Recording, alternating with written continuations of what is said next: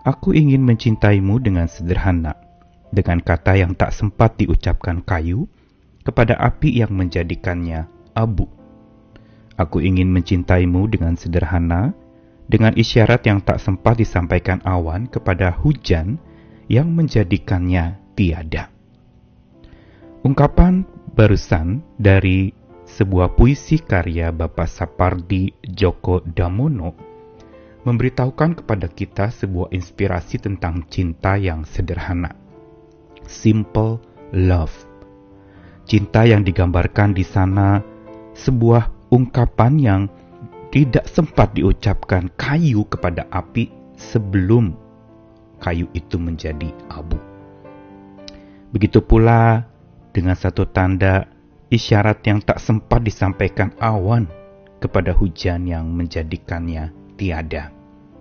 Berarti sebuah cinta sederhana yang memang melampaui kata-kata atau bahkan tak terkatakan tetapi dinyatakan lewat sebuah pengorbanan sampai akhirnya cinta itu justru tanpa kata-kata menjadi begitu sederhana, menjadi penuh kuasa bahkan membahana.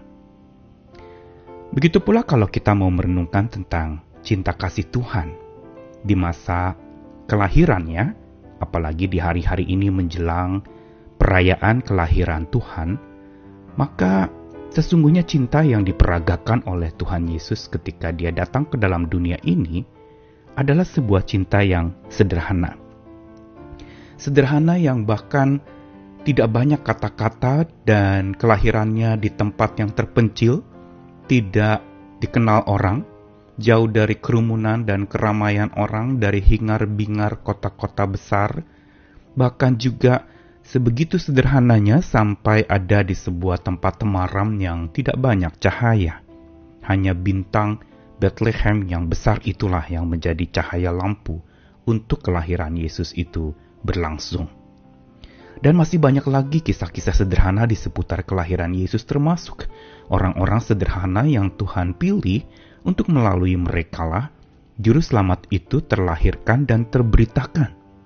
Maria dan Yusuf orang-orang sederhana. Mereka dari kelompok yang boleh dikatakan tidak begitu terpandang Sekalipun Yusuf disebut keturunan raja, tetapi hidup mereka adalah hidup yang sangat sederhana. Begitu pula para gembala yang menerima berita pertama tentang kelahiran Tuhan Yesus adalah figur orang-orang yang sederhana. Tapi justru yang menariknya, Tuhan menggunakan yang sederhana itu untuk menyatakan cintanya yang sederhana menjadi membahana luar biasa. Karena sesungguhnya kalau kita mau merenungkan, yang sederhana itulah sebenarnya yang membahana oleh kekuatan dan tangan Tuhan yang berkuasa. Saya Nikolas Kurniawan kembali menemani lagi di dalam Sabda Tuhan hari ini yang ingin mengajak kita memasuki masa-masa menjelang Natal. Kali ini dari beberapa ayat Sabda Tuhan. Pertama-tama dari Mazmur 116 ayat 6 Tuhan memelihara orang sederhana, aku sudah lemah tetapi diselamatkannya aku.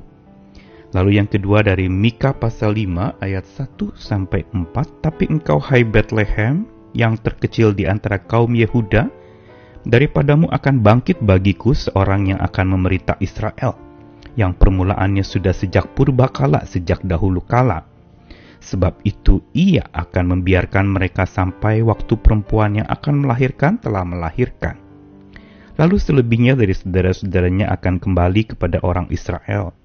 Maka ia akan bertindak dan akan menggembalakan mereka dengan kekuatan Tuhan dalam kemegahan nama Tuhan Allahnya.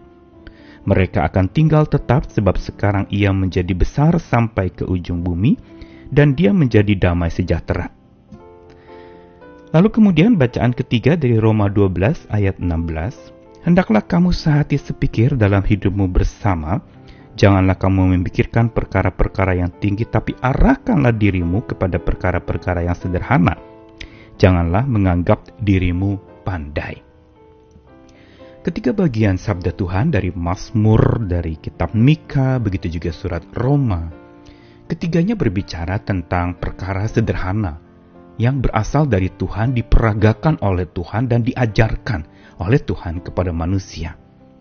Untuk supaya hidup manusia adalah hidup yang sederhana. Ada sebuah pepatah yang mengatakan satu ciri humility adalah simplicity. Satu ciri kerendahan hati adalah kesederhanaan. Dengan kata lain bahwa memang bicara soal humble tidak bisa lepas dari simple. Orang yang humble adalah orang yang simple, sederhana. Bukan bicara pakaiannya, bukan bicara penampilannya, tetapi tuturnya sederhana, tidak berbahasa tinggi-tinggi, mudah dipahami, dan juga pola hidupnya sederhana.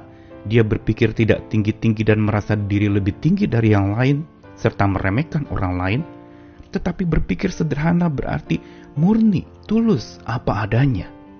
Dan inilah sebenarnya kalau kita mau katakan cinta yang sederhana yang diperagakan oleh Tuhan Yesus, oleh Allah sendiri bagi dunia pada saat peristiwa Natal, adalah sebuah cinta yang simple, cinta yang sangat sederhana, terlahirkan lewat orang-orang sederhana, dinyatakan kepada orang-orang dan kelompok sederhana, Bahkan orang-orang yang datang menyembah bayi Yesus itu juga adalah orang-orang sederhana. Dari gembala, lalu kemudian diikuti tahun berikutnya orang-orang majus yang sebenarnya mereka orang-orang cerdas, berintelektual tinggi, tetapi pribadi-pribadi sederhana yang datang menghampiri bayi Yesus itu. Yang menarik adalah melalui kisah kelahiran Yesus itu sebenarnya ada intisari pengajaran iman Kristiani yang diberitahukan kepada setiap orang di dunia ini. Untuk apa? Untuk supaya berpikir sederhana menjadi pribadi yang sederhana. Karena Tuhan memelihara orang-orang sederhana sebagaimana di Mazmur dikatakan itu. Pemazmur mengatakan dalam Mazmur 116 ayat 6 tadi bahwa dia mengakui dia lemah, dia mengakui dia tidak berdaya, dan inilah ciri orang yang sederhana, yang sekalipun dia lemah dan berdaya, tidak berdaya, dia tetap datang kepada Tuhan dan menyadari akan dirinya yang memang tidak berarti di hadapan Tuhan. Inilah ciri orang sederhana yang mengakui apa adanya, sehingga Tuhan menyelamatkannya. Lalu kita lihat tadi di dalam kitab Mika juga dikatakan di situ tentang nubuatan kelahiran Tuhan Yesus tentang Hai Bethlehem di Efrata yang terkecil di antara kaum-kaum Yehuda. Dan dikatakan inilah waktunya bangkit bagi Tuhan seorang yang memerintah justru dari kota kecil, dari kaum-kaum yang terkecil. Bahkan orang yang kecil itulah yang Tuhan pakai untuk memegahkan Tuhan luar biasa. Ada pelajaran menarik dari tulisan di dalam Mika itu bahwa memang dari yang kecil muncul yang besar. Dan sama kalau kita mau memahami bahwa tidak akan ada yang besar bila tidak dimulai dari yang kecil.